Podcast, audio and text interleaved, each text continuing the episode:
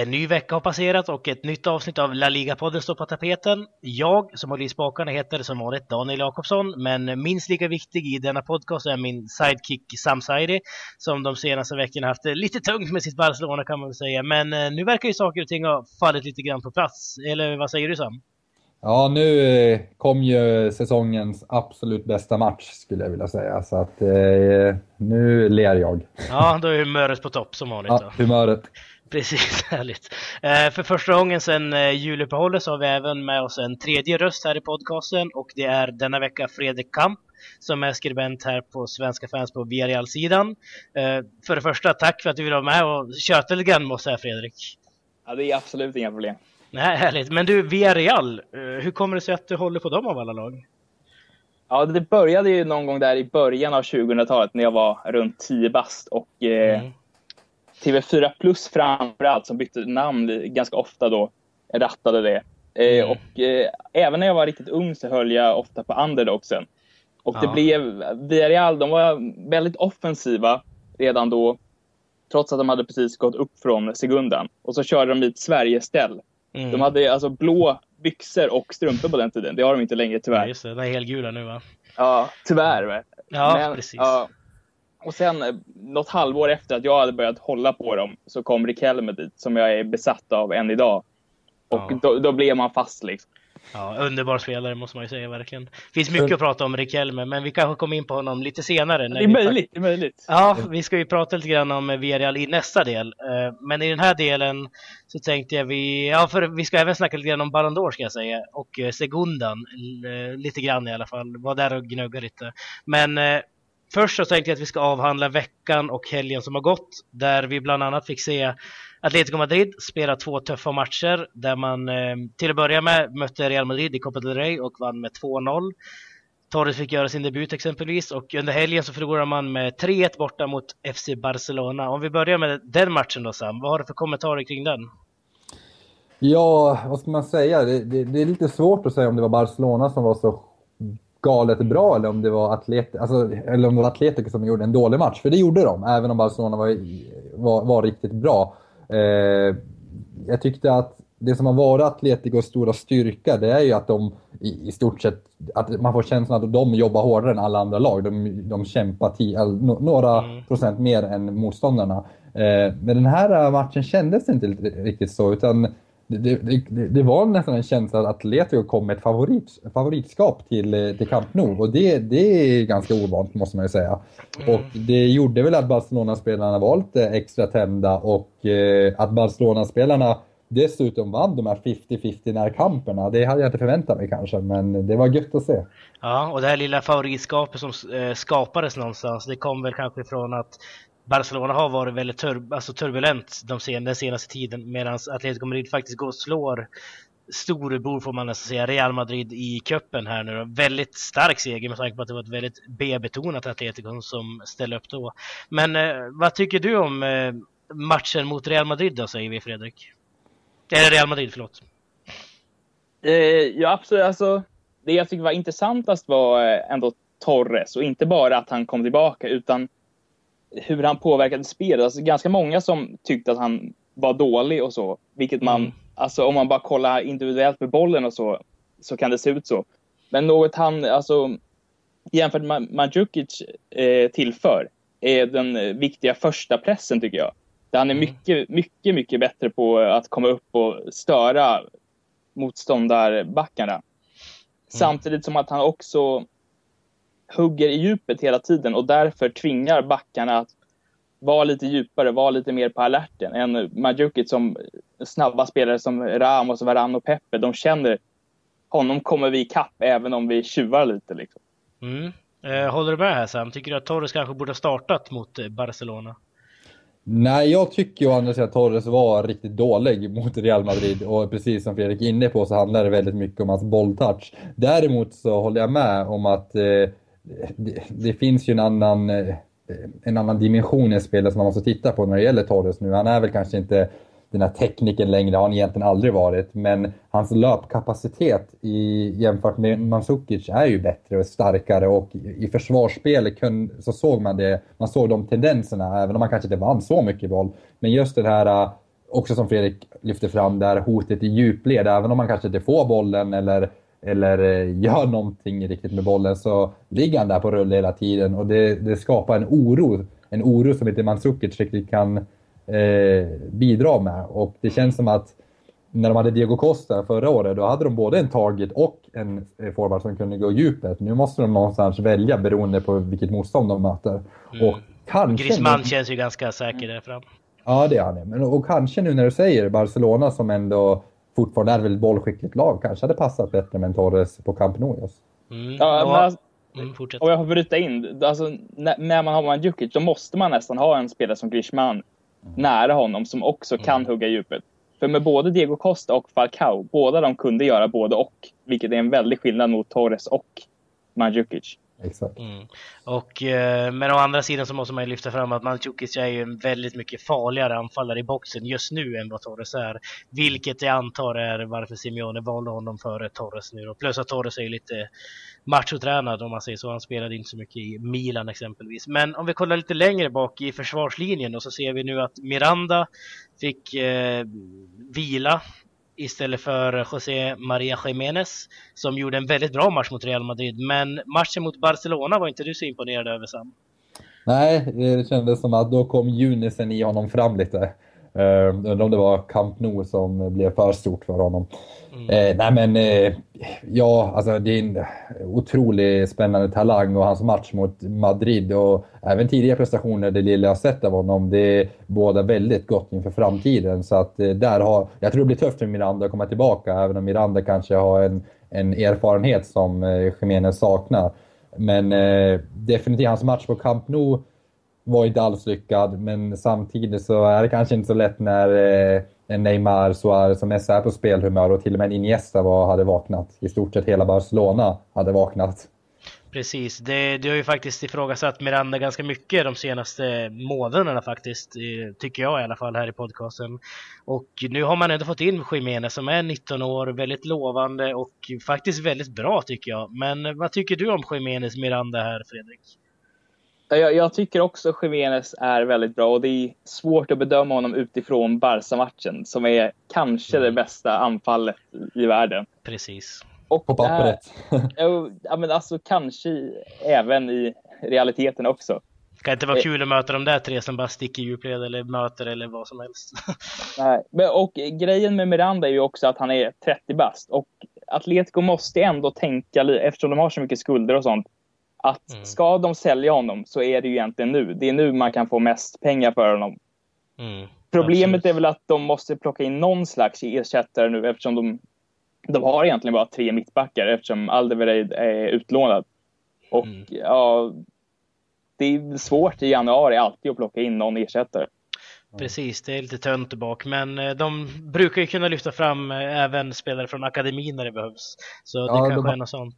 Hade ju många juniorer mot Real Madrid, eller juniorer, unga spelare. Nu har jag tappat namnet här, får ni hjälpa mig på vänsterbacken där, 96. 96 Ja, jag vet. Jag kommer inte heller på namnet, men jag, Oj. vet. jag tycker han Ja. borde ha startat. Det var ett felval. Ja. Ja, exakt. ja, det, det håller jag med om. Eh, Ja, du tänker på eh, fransmannen där? Ja, Eh. Lucas eh, Hernandez? Ja. Lucas Nej, Hernandez. exakt, Ja. exakt. Exakt, eh, så att Atletico har en bra akademi, de kan fylla på. Men ibland så spelar kanske inte det någon roll hur talangfull du än är, för det finns en erfarenhet som ibland är nödvändig och i en sån här match så, så var det ju en brist på erfarenhet, speciellt på Camp Nou mot Barcelona, mot ett så erfaret Barcelona. Mm. Eh, vi måste faktiskt gå vidare här. Jag tänkte att vi skulle prata lite grann om Eibar, men eh, tiden börjar rinna ifrån så vi kommer komma in på Eibar mer i nästa avsnitt. Men eh, lite kort bara. Vi ser här att Eibar slår alltså Getafe med 2-1 och har försvunnit in i någon slags vardagsdunkel nu. Vi trodde vid det här laget att Eibar skulle kanske rasa i tabellen. Eh, man har ju fortfarande ett väldigt orutinerat lag som kanske inte har presterat här någon, de har ju aldrig varit i La Liga tidigare exempelvis. Men Eibar som ett övre mittenlag efter 18 omgångar, hade du förväntat dig det här Fredrik? Alltså, nej är väl eh, det spontana svaret, men det beror mest på att jag inte hade någon riktig koll på hur de spelade eller något i Segundan. Mm. Men sen när man väl har sett dem så, alltså det är ju ett väldigt solitt lag som jämfört med andra bottenlag alltså, känns mer stabila. Men Mm. samtidigt inte jättefrejdiga offensivt så det är svårt att veta hur det kommer gå på andra halvan. Och nu ryktas ju om att eh, mittbacken Albentosa ska gå till Derby av alla lag och det skulle ja. kunna ha en stor effekt tycker jag, för han känns som den stora ledaren faktiskt. Ja, precis, och han är inte överdrivet gammal heller, utan det är ju fortfarande en spelare med framtiden eh, framför sig om man säger så. Men eh, vad säger du då Sam, Eibar här? Man alltså det bästa laget förutom topp 7 då, som alltså, har ryckt ordentligt. Man är ju nästan det laget som försöker haka på där uppe, vilket är ganska roligt måste man säga. Man ligger ju nästan på en Europa League-plats här. Vad, vad tycker du om Eibar hittills? Det här är ju en sensation skulle jag vilja säga. Det, det är en otrolig bedrift. Jag tror inte vi förstår riktigt hur stort det här är. Alltså, då snackar jag inte bara, bara för att de är nykomlingar, utan det handlar ju också om, alltså, vi måste förstå vilken liten klubb Eibar är. Det är bara att mm. titta på deras hemmamatcher. Det är ju mitt i ett bostadsområde. Jag tror det är 8000 som kan gå på matcherna eller någonting. Fyra och fem till och med. Ja, det är så. Jag dubblade till och med där, för det hade känts alldeles för ja. eh, så att, Men det är ett otroligt charmigt lag om inte annat. Och jag tror, jag undrar om det inte börjar bli lite ett favoritlag i podden. Vi har ju Athletic Bilbao och mm. något lag mer där. Ja, men Eibar, speciellt när de producerar så fantastiska mål. Bara nu i helgen var det åter ett drömmål om ni såg... Frisparken, där, ja, Manu Del Moral. Ja, Manu Del Moral, vilken variant. Alltså det, det är bara Eibar som gör de här drömmålen på löpande band känns det som. Ja, det är lite tråkigt att de har tagit över från Villarreal som den minsta orten alltså. Mm, ja, precis. men eh, som sagt, vi kommer att återkomma om eh, Eibar i framtida podcast. Men vi måste faktiskt sätta punkt för del 1 och när vi är tillbaka så kör vi Villarreal.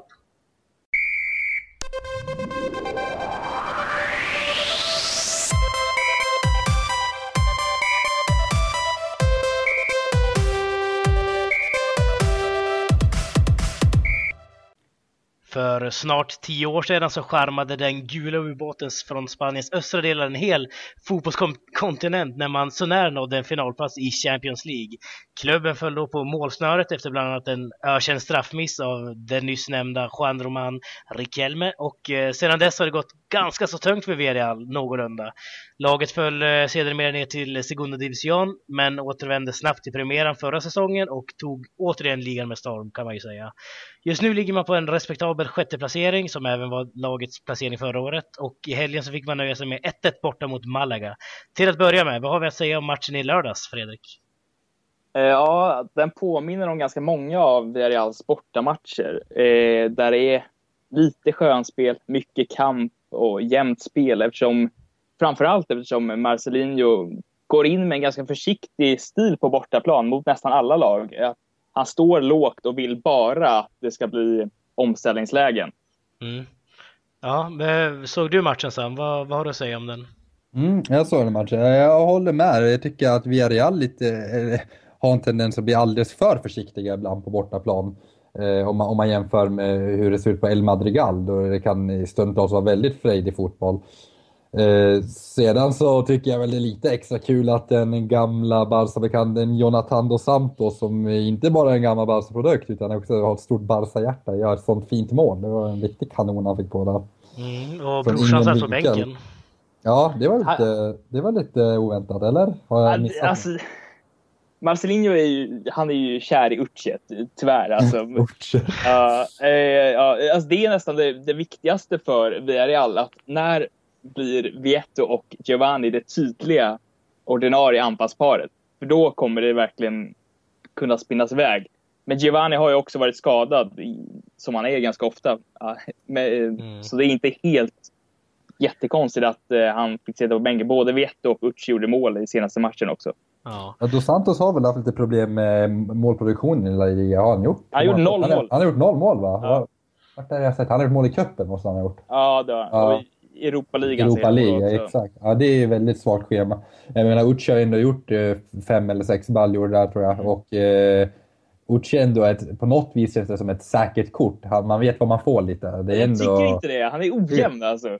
Ja, jag tänkte mer på hans historik. Det är ändå en sån här spelare som det känns som att han har varit i många klubbar. Jag tror kommer han har varit i Recreativo, vad var det mer? I Zaragoza var han ett tag. Getafe. Getafe, ja. Men han, mm. han, han, han, gör sina obligatoriska mål per säsong känns det som. Jo, exakt. Men det är, det är oftast i kluster. Alltså, han går långa perioder där han är dålig och inte ja. gör mål. Och sen kommer några matcher där han gör fem mål på tre matcher liksom. Precis. Och det kan vara de storlag jag har fått en känsla av ibland. Ja. Det, det kommer jag ihåg Getafe, bara stänka dit två mot Real helt plötsligt. Mm. Eh, mot Barcelona är en väldigt jobbig möte, kommer jag ihåg. Men det är kanske en, eh, ja, lite ett spuriöst samband kan man säga, kanske inte ett skensamband. Nej, och när vi ändå är inne på individuella spelare så tycker jag att Cherchev är väldigt duktig. Ja. Alltså, han leder väl assistligan tror jag, eller ligger tvåa i La Liga. Ja, vilket, eh, vad, vad, tycker du om den spelaren? Alltså det, det är en... Han kommer aldrig bli Real bra, för han, alltså han har inte tillräckligt mycket grundkapacitet. Han är ganska kantig som spelare, men han passar väldigt bra i Marcelinhos stil. För han är snabb, han är väldigt rak i sitt, sin stil och han har en bra inläggsfot. Och, mm. och när Villarreal kör med två anfallare och går ofta i omställningar så blir det verkligen väldigt ofta lägen där han får slå in den mot två framrusande anfallare. Mm. Och en av de anfallarna brukar ju vara Luciano Vietto som faktiskt har gjort succé måste man väl säga den här säsongen. Kan du berätta lite grann om vem den här personen är? Vem är Vietto? Yes, det är ju en eh, snubbe som nyss fyllde 21 som eh, Villarreal plockade i sommar från eh, argentinska Racing. Eh, där han bara gjorde fem mål senaste säsongen faktiskt. Men hade ändå många klubbar som var intresserade. Mm. Men, men eh, Villarreal hade liksom följt honom i massa månader, hade snackat med honom alltså, över lång period och snackat med familj och allt för att kolla hur han var. Och det tyckte Vietto, liksom, tillsammans med att han trodde att han skulle få speltid där, att mm. de verkligen visade att vi kommer satsa på dig. Det mm. gjorde att han valde dem. Och sen blev han ju ganska billig då eftersom han hade haft en dålig säsong. Mm. Och sen, det viktigaste är väl att han egentligen passar in i Villarreals spelsätt. För han är också som typ Cherche, han är ganska rak i sin stil. Han, han är snabb, men han kan ändå... Han har tillräckligt mycket bollkänsla och eh, spelförståelse för att kunna länka ihop med mittfältet. Mm. En ganska intressant målskytt tycker jag också, eller vad tycker du Sam? Ja absolut, han, är ändå, han har gjort eh, han gjorde fem mål i argentinsk karriär, åtta nu om jag inte missminner mig i La Liga. Ja, och du har varit bänkad ganska ofta ändå. Ja, nej, men jag håller mig också med den här beskrivningen om att han, han är, känns väldigt eh, mångsidig på något vis. Det är inte bara att han är en målskytt som du säger Daniel, utan precis som Fredrik är inne på så, kan, så faller han ner ibland och hittar den här farliga ytan mellan försvar och eh, eh motståndarnas eh, försvarslinje och mittfält. Och eh, det är en, en väldigt efter, eftertraktad yta som, kan, som skapar stora problem. Och det finns sp många spelare där ute, eller inte så många, men det finns vissa spelare som har den förmågan att kunna liksom hitta fast det är väldigt tajt, hitta den ytan. Och det Vieto är en av de spelarna. Och det, den tycker jag är väldigt viktig i Villarreal som kör alltså 4-2-2-2. Där det ofta blir ett stort hål mellan dubbelpivoten och anfallarna. Då måste verkligen någon anfallare eller mittfältare gå in i mitten väldigt ofta. Mm. Och, och, det har ju, det har ju Vieto verkligen bidragit med. Sedan så kan jag tänka mig varför, om jag bara får spekulera lite det här lite, att varför man kör med Uchi. Jag kan tänka mig att om man skulle köra med Vietto och Dos Santos finns det en liten risk att båda kanske blir lite, alltså jobbar på samma yta, att båda faller kanske och man inte ja. får det här djupet. Och då kan jag tänka mig att Marcelinho i det här fallet då, kanske resonerar någonstans i de banorna, att de kanske är lite lika. Jo, jag, jag förstår också det, men jag, det känns ändå som att Vietto kan ta rollen där han är högst upp. Mm. Han, han, har ändå gjort många sådana där mål där han bara springer och petar in den för att han hugger i djupet. Liksom. Medan Giovanni är ju tydligt att han vill bara gå ner och hämta. Ja, han vill droppa ner mer. Så att, eh, det, det, det ska, jag, jag, jag önskar också att Marcelino vågar prova det lite oftare i framtiden. Liksom sätta Vieto som en tydlig spets och Giovanni som är lite mer släpande. Mm. En annan som har haft en väldigt bra säsong är Bruno Soriano måste man ju faktiskt säga. Mm. 30-åringen som har vaknat till lite grann. Men Cani tänkte jag att vi skulle prata lite grann om. Som eh, är också en legendar i VRL precis som Bruno. Han lämnar alltså nu klubben för eh, Atletico Madrid, vilket var väldigt oväntat. Slog ner som en bomb häromdagen när detta hände. Vad, vad, har, vad, är, vad har hänt, Fredrik? Ja, det, det, är väldigt tråkigt. Men ja, det som har hänt är att eh, det har blivit en dispyt mellan honom och Marcelinho. Om vad är ganska oklart. Men, men, men ända sedan Riquelme tid där han liksom gjorde lite vad han ville och typ sket i fysträningar och sånt. Vilket, mm. eh, alltså det kostade först Benito Floro jobbet för att eh, president Reutsch då bara vi måste verkligen ha kvar Riquelme för han är för bra. Ja. Eh, Men, men till slut när han fortsatte göra samma sak med Pellegrini, eh, Riquelme alltså, då gav ju eh, Rojic upp eh, Riquelme och- alltså för att han vill ändå att Villarreal ska vara en harmonisk klubb som, där alla funkar bra med varandra. Så Mm. då, då fick Riquelme lämna och det är lite det som är som har byggt filosofin med att nu får Kani lämna fort så fort Mm. det blir en liten clash med tränaren. Okej. Men, sen- men, men, men sen Marcelinho har ju någon slags historik med det här. Sergio Garcia har fått lämna när han var i Zaragoza på ett liknande sätt. Och det verkar som att Espinosa nu i Villarreal är ungefär samma sak som har fått gå på lån till Almeria efter att Mm. ha fått spela mycket i början av säsongen. Men sen helt plötsligt fick en minut då och då. Liksom. Intressant. Ja, men eh, vad tror du Sam, kommer han att bli saknad i det här Villarreal? Han spelade ju i och för sig inte så mycket, men bara profilen kan ni. Ja, profilen kan, eh, kommer bli saknad definitivt. eh, Men eh, precis som Fredrik är inne på så tror jag att om, det var, om man fick det här, det här, den här möjligheten då, då, då skulle man ta den och nu fick man det. Så det var bara att tacka och ta emot skulle jag säga.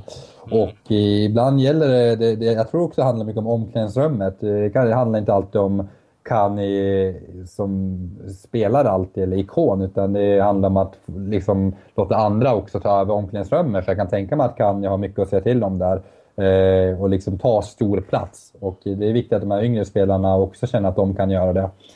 Så att, eh, ja jag vet inte, jag, inte, jag tror inte det sportligt påverkar dem så mycket. Nej, eh, kan Espinosa lämnas som du säger här nu, men kommer in någon ersättare då Fredrik, tror du?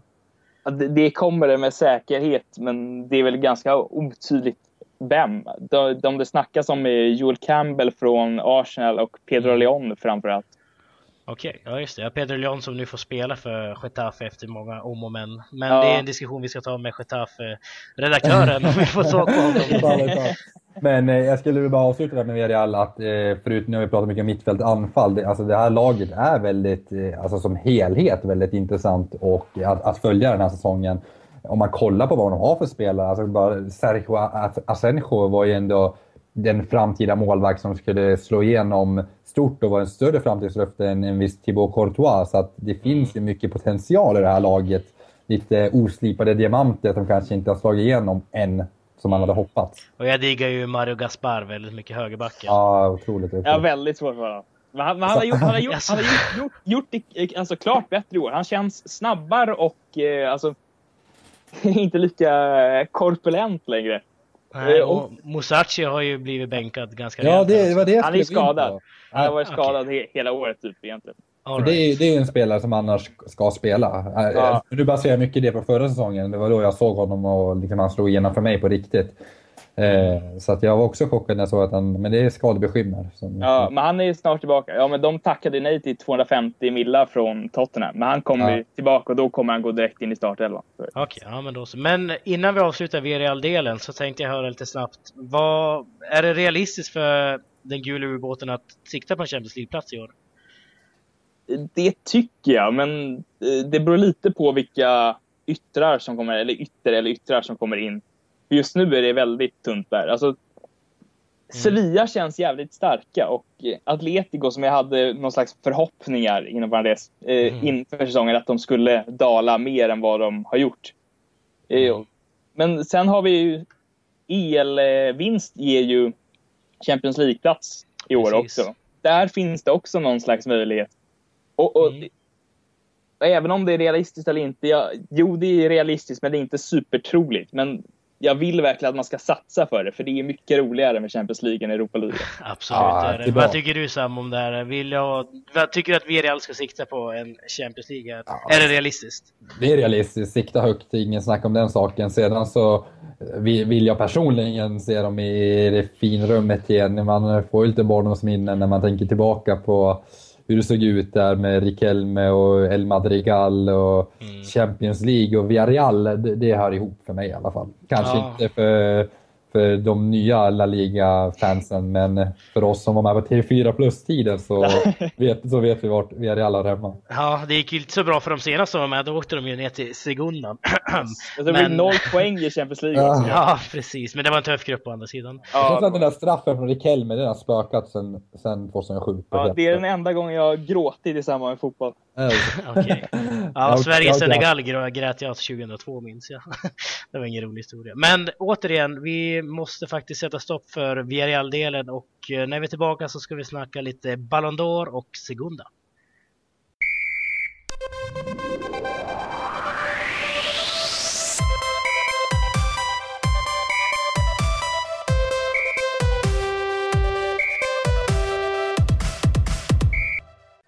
Vi har pratat om detta ämne tidigare i våra podcast, men nu är faktiskt omröstningen avgjord och vi vet vem som har fått tag emot priset som världens bästa spelare enligt Fifa. Vinnaren blev, inte jätteöverraskande, Cristiano Ronaldo. På managersidan blev Joakim Löw utsedd till årets manager medan Carlo Ancelotti och Diego Simeone fick stå pall denna gång. Um, vad tycker vi om att Ronaldo vann omröstningen Sam, som årets bästa spelare? Uh, och världens ja, bästa spelare för den Ja, världens bästa. Äh, väntat. Uh, och välförtjänt skulle jag vilja säga. Han hade ett väldigt bra år, även om jag personligen hade föredragit Neuer. Om det var någon gång en målvakt skulle vinna så var det ju nu. Mm. Det blev det ju tyvärr inte. Nej. Ja. Nej, det här priset är ju väldigt diffust tycker jag. Du vet ju vad jag tycker om de här utmärkelserna också. Ja. Alltså, det är ju vem är bäst? Kan man avgöra det liksom? Jag vet inte, vi snack, det är många som snackar om att Sneijder borde fått det för några år sedan när Messi vann. Och i sådana fall så kan man argumentera för att Neuer borde ha vunnit det nu och så vidare. Men vad, vad, tycker du om det här Fredrik, att Cristiano Ronaldo vann?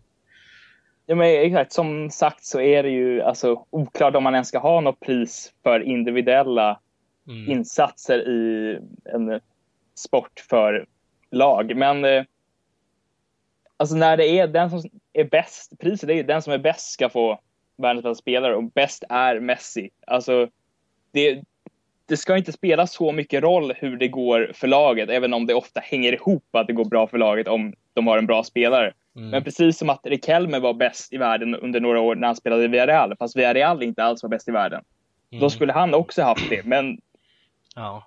ja vi, men, men, vi, Fast, ja, kör, det, kör. fast det där är ju ganska intressant för att eh, ska man gå på vem som är bäst eller vem som har varit eh, Ja, det är lite presterat samma sak. Eh, presterat bäst. Det, det, jag tycker det är en skillnad. För jag tycker ju någonstans, och det är förmodligen för att jag är färgad av Barcelona, men jag, jag anser precis som det, Messi är bäst i världen, men att Ronaldo hade ett bättre år. Men det behöver inte utesluta att Messi i grund och botten är en bättre fotbollsspelare och en större talang, enligt mig. Då. Eh, så att, för det kan ju komma in skador. Alltså, låt oss säga, jag vet att Daniel, du gillar ju Luis Suarez här. Och, och jag tycker inte han ska vara med på den listan eftersom han har missat typ hela hösten. Oavsett hur bra prestation han gjorde i våras och i VM faktiskt. Mm. Eh, så där, även om han kanske skulle vara bäst så, så, så är det ju ett stort bortfall av hans prestationer eftersom det är ett kalenderår vi tänker här. Och mm. Ronaldos höst blir ju väldigt tung liksom. Mm, ja, jag, det är intressant att du nämner Suarez här, för jag tycker att han ska vara med i startelvan, som, eller deras, årets elva som de faktiskt presenterade här. Istället har vi Robben med, som jag han gör väl en okej okay säsong, men han gör ju inte en extraordinär säsong för att vara Arjen Robben direkt. Utan Suarez drog ju sitt Liverpool, alltså på egen hand i princip, till en nästan första plats i Premier League. Vilket är oerhört starkt med tanke på vilken trupp han hade att göra med. Liksom. Eh, VM, visst, han biter och sådär. Och, ja. Diego Costa, hur resonerar du där? Jag borde gå före Suarez tycker jag. Ja, Diego Costa skulle jag också köpa för Robben faktiskt. Diego jag vill ju slänga in Robben, han på egen hand tog ju Holland nästan till VM-final. Mm. Oh. Och sen Bundesliga-vinst och Fan själv skulle vi lyfta liksom. där också nästan. Ja, det är mycket mer Robben. okay. Ja, jag vet säger, inte. Säger jag som eh, Hollands ättling här. Precis. ja, vi, men det, det, jag håller med, i grund och botten så är det ju så svårt att avgöra och, och mäta vem som är bäst. Och det, jag vet inte om det finns något kriterium på vad man ska mäta egentligen eller vad man ska titta jag, jag på. Jag tror i alla fall ett kriterium är, som gör att Suarez inte kommer med. Det, det är något om att man ska uppföra sig väl. Ja. Vil, vilket ju inte borde vara där, men det, jag tror det finns där. Ja, det har jag också läst någonstans. Vet inte vart, men jag känner igen det. Men sen så kan man, då kan man gå in på det definitionen vad som är uppföra sig väl också, det här med att bita slash en råkapning ja, liksom. Det, det har vi varit inne på tidigare. Ja, det är en annan fråga. Men jag, jag tänker också, det beror, vi värderar ju saker och ting olika. Vi värderar ju typ mål från forward högre än kanske en Gabi som gjorde en helt fantastisk säsong som borde vara med i världselvan där i alla fall. Mm, det ser ut att han eh, skulle gå in före Iniesta till och med kanske. Ja, ja Gabis 2000, lite, trött, lite, lite halv ja, hösten kanske inte så himla bra just nu eftersom vi tänker kalenderår, men hans, hans fjolårssäsong och vår är ju helt magnifik. Mm. Och han vinner ju ändå ligan med Atletico Madrid, en sekund från att vinna Champions League. Och ja, Gabi ska gå före Iniesta om inte annat. Ja, när vi ändå är inne på världslaget här nu så ser vi exempelvis att en spelare som jag värderar väldigt högt, Diego Godin, inte är med. Ja, utan istället har vi David Luiz Vad tycker du om det Fredrik?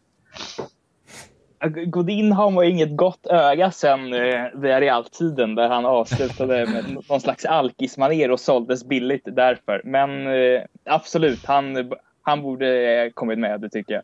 Mm, håller du med Sam?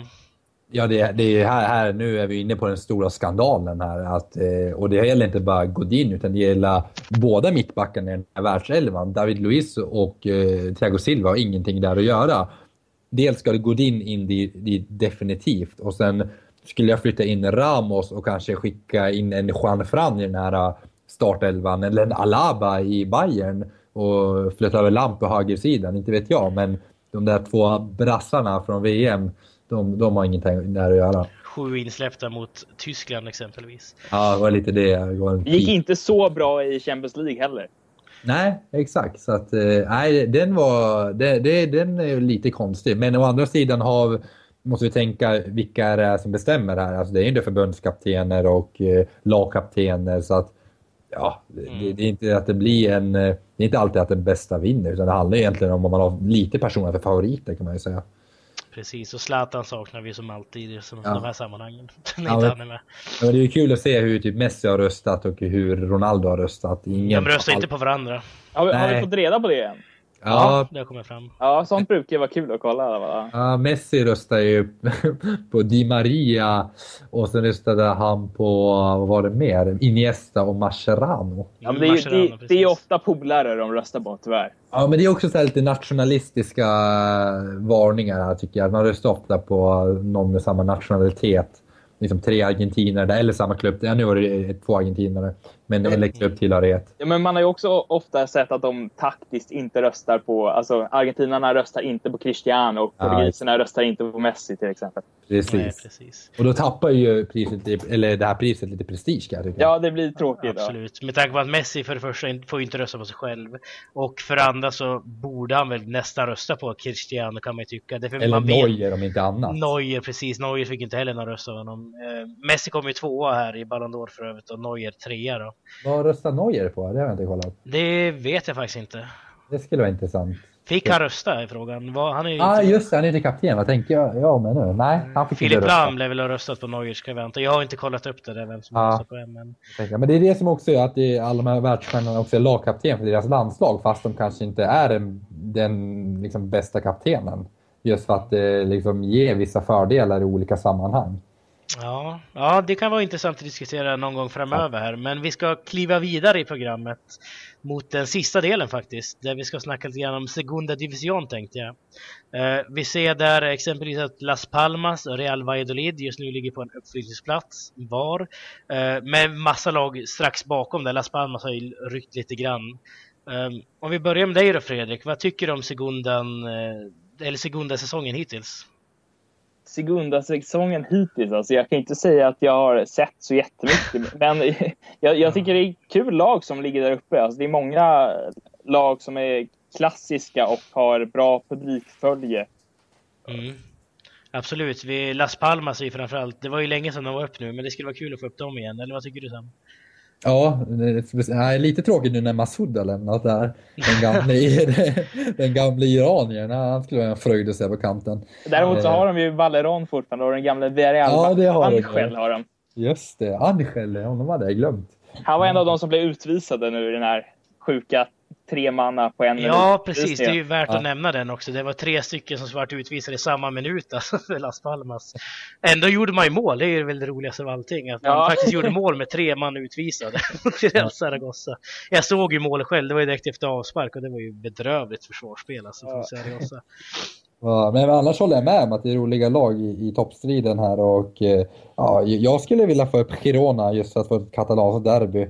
Okej. Eh, det ska vara lite småkul, men eh, Real Betis vill jag också ha upp. Det är många jag vill ha upp här känner jag. Mm, jag vill ju få upp eh, H11 rekreativ och de håller på att åka ur dock. Ja. H11 Jag är ju... Kanske Alltså, Gammal farmaklubb till Villarreal också, det gillar man. Ja, men det är ju Spaniens äldsta klubb tänker jag på också. Ja. Den, den kan, det är liksom väldigt anrikt att få upp dem någonstans. Jag var ju där förra säsongen och kollade när de firade 120 år kanske det var eller liknande. Och det, var, det är en klubb som behövs där uppe. I, en till andalusisk klubb skulle det vara i sådana fall. En av, en av alla klubbar där Ucci har kört också. Ja, just det. Och Ras- Racing är väl också en, en kanske inte lika anrik som rekreativ, men kanske för oss från TV4 Plus-tiden så är ju Racing ett, ett, ett ganska anrikt namn. Ja, Det är verkligen. sant, det är sant. De hade Nikola Djigic bland Ja, Ja, annat. just det. Sitter man av. Ja, nu börjar det bli fan nostalgiskt. Ja. Pedro Ja. Menitis också. Åh, men inte, men nu, oj, oj, oj, oj, oj, nu börjar vi komma in på riktiga legendarer. Men, eh, Tonjo i mål va? Var det Tonjo som måste... Ja, just det, precis, Tonja ja. Och sen, men eh, Barca B håller på att ramla ur, det gillar vi ju. Ja. Jag i alla fall. Ja, jo, exakt. Principiellt gillar man ju att B-lagen inte är där. Men eh, däremot så är det ganska oväntat att de går så dåligt. Och eh, Sam borde ha lite mer insikt där. Ja, eh, jag vet inte vad det blir. Alltså, de blir väl... Eh, också 7-0 mot Valladolid. Jo, men de är väl också, blir väl också påverkade och drabbade av hur klubben Barcelona som helhet sköts.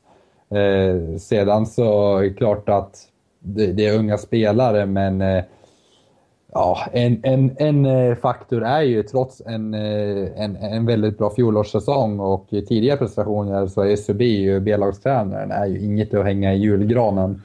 Jag har, eh, gör väldigt konstiga uttagningar och rote- roterar konstigt. Jag kan förstå eftersom det är många unga spelare, men känns inte som att han har fått in någon spelidé överhuvudtaget. Utan varför Barca B har gått bra egentligen, det är för att det är otroliga talanger som spelar där.